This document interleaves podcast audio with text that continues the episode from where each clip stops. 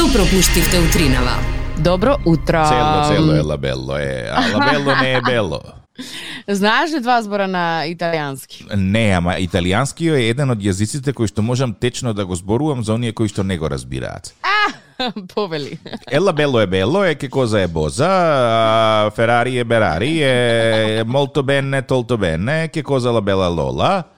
У, па добро, течно го Значи, говориш. течно го говорам, да, меѓутоа кога ќе дојде момент некој кој што е говорник роден на италијанскиот јазик, само ќе ме гледа бледо и ќе каже, ало, дечко, што лупеташ ти, бе?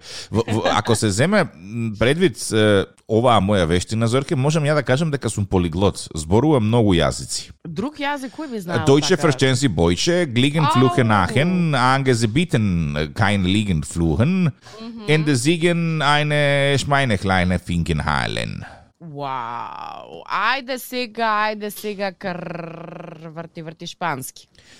Uh, не знам шпански. Е, Не знам, и француски знам. француски, ајде Да. француски, ајде. Je me la fali la roule en le bleu ha roule et le jumeau ha et le jumeau le la Que tu Добре, го потфаќаш, го потфаќаш, го потфаќаш. Ако евентуално влезеш во конфликт, сигурно сум дека ќе знаеш како да излезеш од него, така што.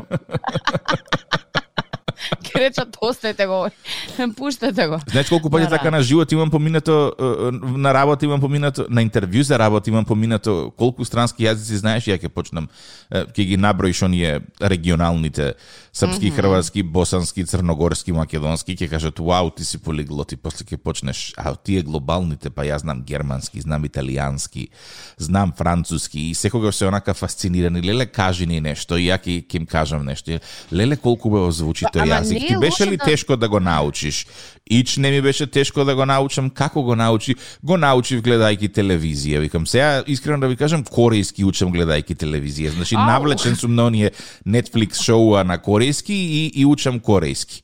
Па Сериозно ги дали е... оригинално аудио? Да, да, да. Па Да. така е најдобар начин да се научи јазик, Зорки. Да ги гледаш филмовите на оригинален јазик. Да, оригинален јазик со англиски титул. Мхм. И ќе почнеш да пофаќаш некој збор, па потоа уште некој плюс збор, па ќе видиш дека многу јазици влечат корен од е, латинските јазици, па дека ги имаш оние англосаксонска група на јазици и словенска група на јазици. И збојше не получил какво тоа получил с полско, ето с больско, ето камион пошол на бовол. Тоа е полски, например. Како и ова како го објасни вака експертски човек вака да те заслуша ке рече види има и разбирање од сите јазици па знае кој од каде е, доаѓа. Добро е, добро е, фино е. Јас сум воодушевена од твоите познавања на јазиците. Јас Така, твориже добро. маđarzier, raščiđja, ќе špelč polžni, et šlepele et volžni, će šperek šer šer šer šer šer šer. Твоја среќа што ништо не разбирам. Ова беше унгарски. Аха, може да кажеш дека и друг јазик и јас ке ти речев аха. А, да, со унгарскиот е секогаш така, та, друг јазик е и не звучи како ништо друго. Значи многу е тешко да го научиш унгарскиот. Треба да се мачиш, да ги фаќаш. е, Па кога ќе видиш ти унгарски збор напишан, то ти е као ја некој некоја пијаница фрлала рандом букви и ставала рандом подредени и надредени знаци за да дојде до ова. И никако успеала, и сите тоа го разбираат. Е, Право ти кажам дека и Кецмен зе разбараш. Па ништо не разбрав. Кецмен ме разбараш. Што треба тоа да значи? Кецмен ме разбараш. Не знам, тоа е некој збор што го користат реклама многу често и таму е кецмен ме разбараш, кецмен ме разбараш, кецмен ме разбараш и јас си го научив кецмен ме разбараш. Па ја би сакала некој ако има познавање да ни каже што тоа точно значи, чисто за да ете бидеме во текстот на кое што го говориш. Инаку, да, и странци кога доаѓаат кај нас и се трудат да Полскиот на тиктак вика една слушателка мој украинско чешки. Ама од таму има потфатено од тие делови. Да, Тој е дијалектот што го влече. Сакате чехословачки да почнам да изборам. немој, немој, немој, немој, не. Ја би сето ова да го зачиниме со нешто италијанско. Може. Бела, бела дона. Καλημέρα, καλησπέρα, ετική, μπαλική. Ε, πιπλό, ε, δεσπέρα, ε, леспера. Добро. Баравте грчки да чуете, ете ви грчки.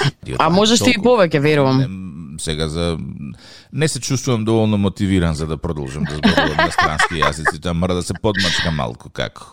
Е, а како најдобро се подмачкува така што одиш и шеташ од едно друго место, слушаш од таму и нешто на крај склопува. Не, Зорке, не се подмачкува така. Се подмачкува со една црвена. А, добро. Гледаш, различни се моите и твоите ставови за тоа како А, се различни се, не, не, што мислам, ти, ти, на, ти на раководна функција, ќе само ќе шеташ, мислам, не, не, никој ајр нема од тоа да види, се, се, се, ле, ле, ама да. Добро. Кажи ми, ако сега, во моментов, ти е понудена можност од почеток да почнеш со образованието, што е оно што би го запишал?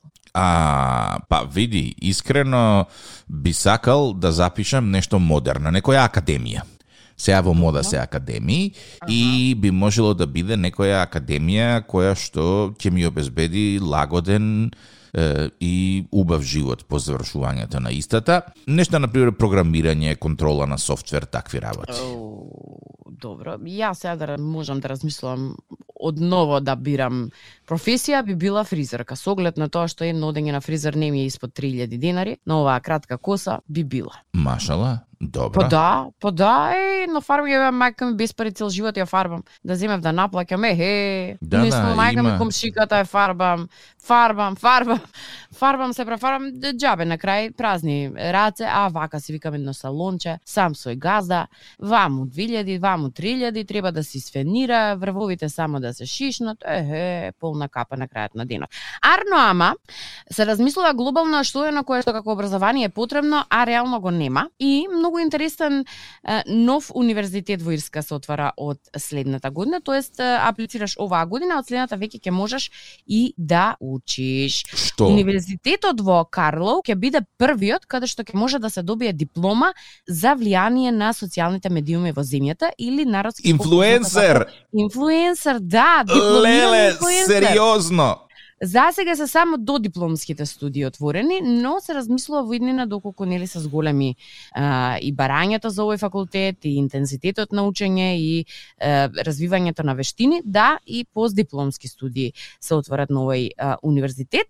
Она што е многу интересно е дека додипломските студии за уметноста во создање, пази како фино тоа се вика, се вика уметноста за создавање на а, содржина за социјални медиуми, Вау. ќе се отвори за апликации во ноември. Првата група студенти е предвидена да стартува во септември 2024, а ќе се изучуваат деловни вештини, видео и аудио уредување, критички културни студии и креативно пишување. Се она што му е потребно на еден инфлуенсер за да може да заработи поголема сума на а, пари. Вау. А А, ја мислам дека имаат една е, клучна работа заборавено, добро. а тоа е да внесат предмет оригиналност и различност. Не само тоа. Јас, ако сум маркетинг агенција и барам инфлуенсер да работи со мене, прво што ќе кажеме диплома имаш ли?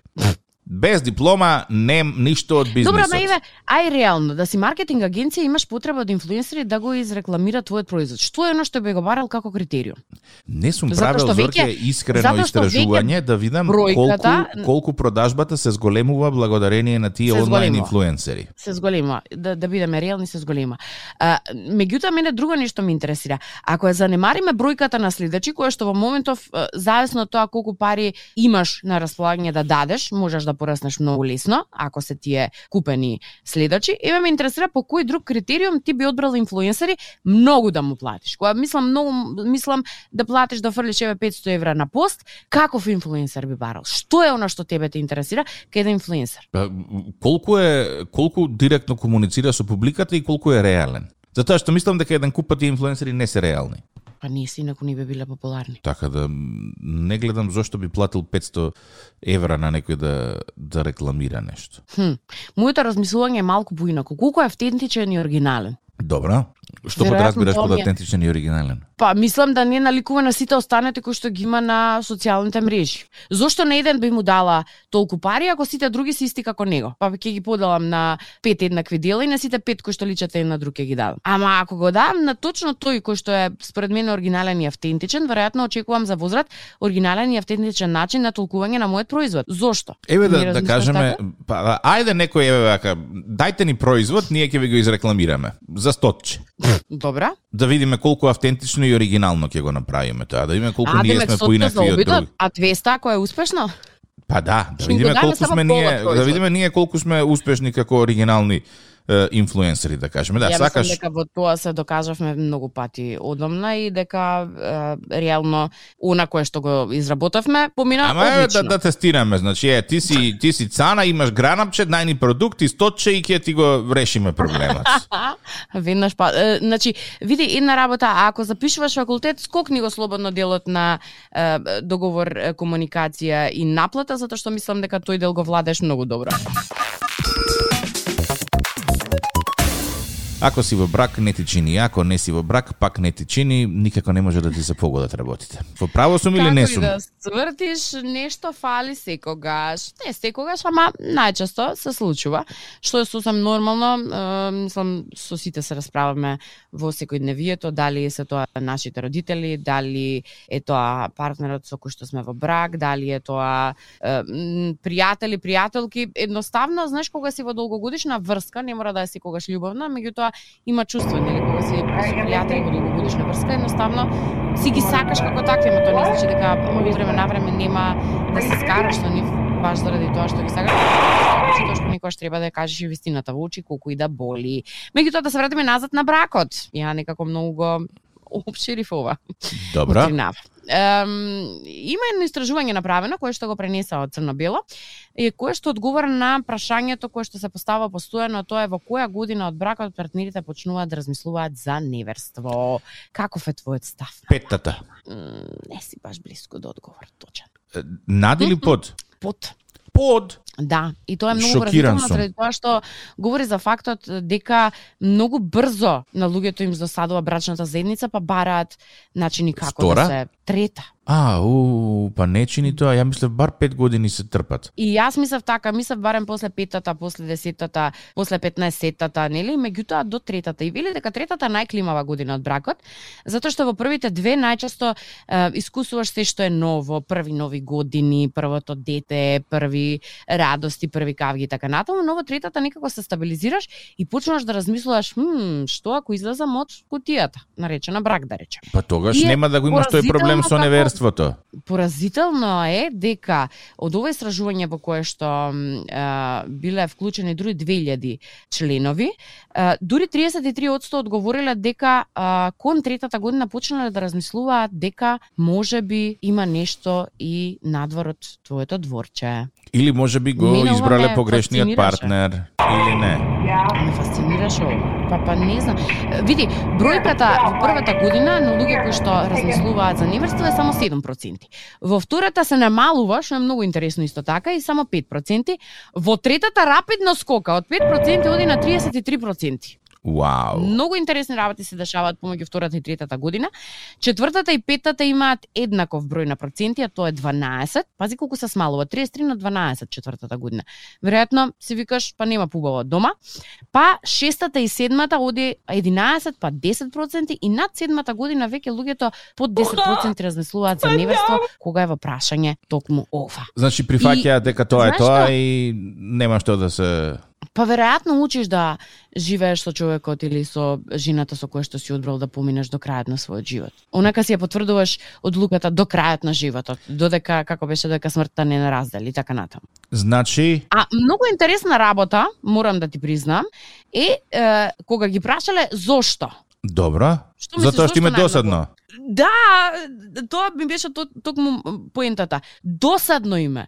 Луѓето најчесто изневеруваат од досада. Не затоа што имаат Значи, проблеми, право не затоа што се караат, не затоа што сметаат дека има подобро, не, од што им е досадно. Абе баба ми на времето викаше досадата е човековиот најголем непријател. Човекот здисува од досада. Да, ама буквално здисува. Ама и друга една работа. Кога се помали децата велат добро е да ги оставите да им биде досадно. Така ќе најдат креативни начини како да си го пополнат времето. Ете каде лежи проблемот. Изневерувањето влече корени од мали нозе, кога ги оставате децата сами кога им е досадно. Да, А- а што треба да доктор правиме, Фил да сум станал, Зорке. Бога ми, доктор Тиктак. Доктор Тиктак, а ме интересира, што сметате вие дека е клучно во оваа Што е она што треба да се прави? Uh, доктор и сега тука се поставува едно друго прашање, доктор Тиктак. Дали сметате дека uh, треба во бракот постојано да има турбуленции за да не дојде до распад на бракот? Значи, дали е подобро луѓето да се караат постојано и да им биде интересно, затоа што за новата кавга треба нови одговори да најдеш, или е подобро да им биде досадно? Uh, нутритивниот, се... нутритивниот специјалист, доктор Тиктак, повторно ќе mm -hmm. го изрази своето мислење во врска со монодиетата, која што mm -hmm. вклучува конзумирање конзумирање на ист тип на храна одреден долг временски период. Така? За да го добиете вистинското чувство, јас би ве замолил да одберете една храна по ваш избор која што најмногу ја сакате. Значи храна без која не можете да си го замислите животот. Храна која што е, буквално ви предизвикува пеперутки кога ќе помислите дека треба да ја конзумирате. И потоа mm -hmm. сакам таа храна да ја јадете 90 дена без престан. Добре. И потоа да дојдете на консултација кај мене. А дали сметате ако храната носите на разно разни локации во разни разни е, средини и состојби дека тоа би придонело да го продолжи уживањето на истата храна? Се разбира, тоа варира од индивидуа до индивидуа, меѓутоа тоа е повторно втората фаза на нашето истражување, значи првата фаза е 90 дена да издржите со вашата омилена храна. Добро, без да конзумирате ништо додала, друго. Ама јас овде би додала и уште нешто. Што ако од истата таа храна најдете многу варијации на на таа тема? Или додадете варијација плюс нешто ситно, солца, едно друго. Тоа ќе ти го пролонгира, да кажеме, уживањето во таа храна за уште 90 дена. Ете, Зорке, да вау, која психотерапија, Зорке, ние го најдовме решението всушност. Па ја мислам дека е така. На секој 90 дена треба да додаваш по нешто друго. Па да. И ете ти, односно треба да се трудиш нешто што не можеш да го смислиш после 90 дена да го направиш пак да ти биде интересно. Доктор Тик, так јас морам да признам дека сум фасцинирана од вашите размислувања како тоа областа храна ја пресликувате во било кој дел друг од животот и како тоа успешно всушност се пресликува и, и реално дава резултати и одговор на многу прашања. Не па Зорке, ја прав факултет учев не за инфлуенсери. Добро утро. Со вас се Тик-так и Зорка. Доколку немаш извадено нови лични документи без стрес и нервоза, според министерот за внатрешни работи во интервју за 360 степени, во наредните десетина дена ќе бидат поставени десетина нови работни позиции за вадење лични документи, каде што граѓаните ќе можат да одат без закажување и добивање на термин. Mm, браво. Бра, ова еве една информација која што е многу позитивна, добра? Ова се прави со цел да се излезе во пресрет на сите оние кои што немаат закажано лични документи, а според министерот причина за проблемите е тоа што 70% од закажаните термини не се почитуваат, односно граѓаните не доаѓаат во закажаното време и потоа повторно се јавуваат на телефонскиот број за да добијат нов термин. А како на кој начин ќе функционираат? Кој како дојде прв дојдем прв услужен или? Да, прв дојдем прв услужен, ке си дојдеш и ке си чекаш. Ова со непочитување на термини го пријавија и од германска амбасада Зорке, не знам дали знаеш. Се жалеа дека многу термини за лотарија кои што наши лица ги добиле воопшто не се почитуваат, луѓето не доаѓаат да ги достават збараните документи, што предизвикува хаос малтене. И па може се премислиле? Може, ама не би требало. Исто како и за личните документи. А утре треба да вадам, па се премислив, па не можам да стасам, па обврски, па така натаму. Не можеш да знаеш од која причина се откажуваат. Овие да, предпоставам дека си имаме и проблем со почитување на време, што не е ретко да се види, нели, да се почувствува. Скоро и да не постоела манифестација каде што сум дошла на време, а почнала на време. И сата така што имаме ние некој проблем глобално и генерално со почитување на времето, кој што е тема сама по себе за некое друго издание. Доктор Тик-так да ни разбор.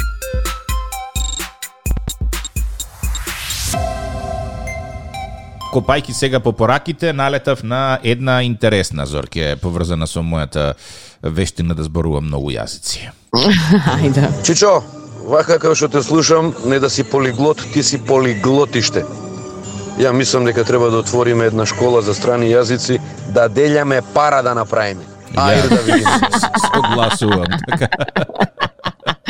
Бизнисот не знаеш од која страна спие, така што биди отворен за сите идеи кои што може да ти се случат и реално се што треба е само добра идеја како тоа да се продаде. Сите јазици јас ќе ги предавам. Сите јазици. Добар ден, почитувани студенти, добар ден. Што сакате денес да учиме? Не, не што ќе учиме, што сакате денес да учиме? И така, секој ден по неколку јазици или знаеш колку би било интересно она една фраза да ја учиме во денот на сите јазици може. Значи некако граматика кој некако денес ќе учиме добар ден на сите јазици, па утре ќе учиме добро вечер на сите јазици, па заутре ќе учиме здраво како си и така натаму и така натаму и за домашна работа по 15 пати, односно по еден лист од секоја реченица. Сте- Има ли такви домашни? Да. Се сеќаваш на такви? Да. Ги мразев тие домашни. Истото, Зошто? истото да го пишуваш на цела страна. Е па досадно. е. Ама ти останало во глава и ден денеска, така? Да, дека сум го пишувала, а што сум пишувала, баш не ми е останало во глава. Тик-так и Зорка се најдобри. Тик-так и Зорка се најдобри. За Ајде сега работа. за домашна 10 пати во тетратката да напишете Тик-так и Зорка се најдобри. Тик-так и Зорка се најдобри. Е, само сакав да прашам, е, ракописно или печатно? Зорке. Во коцки или во линии? Во линии.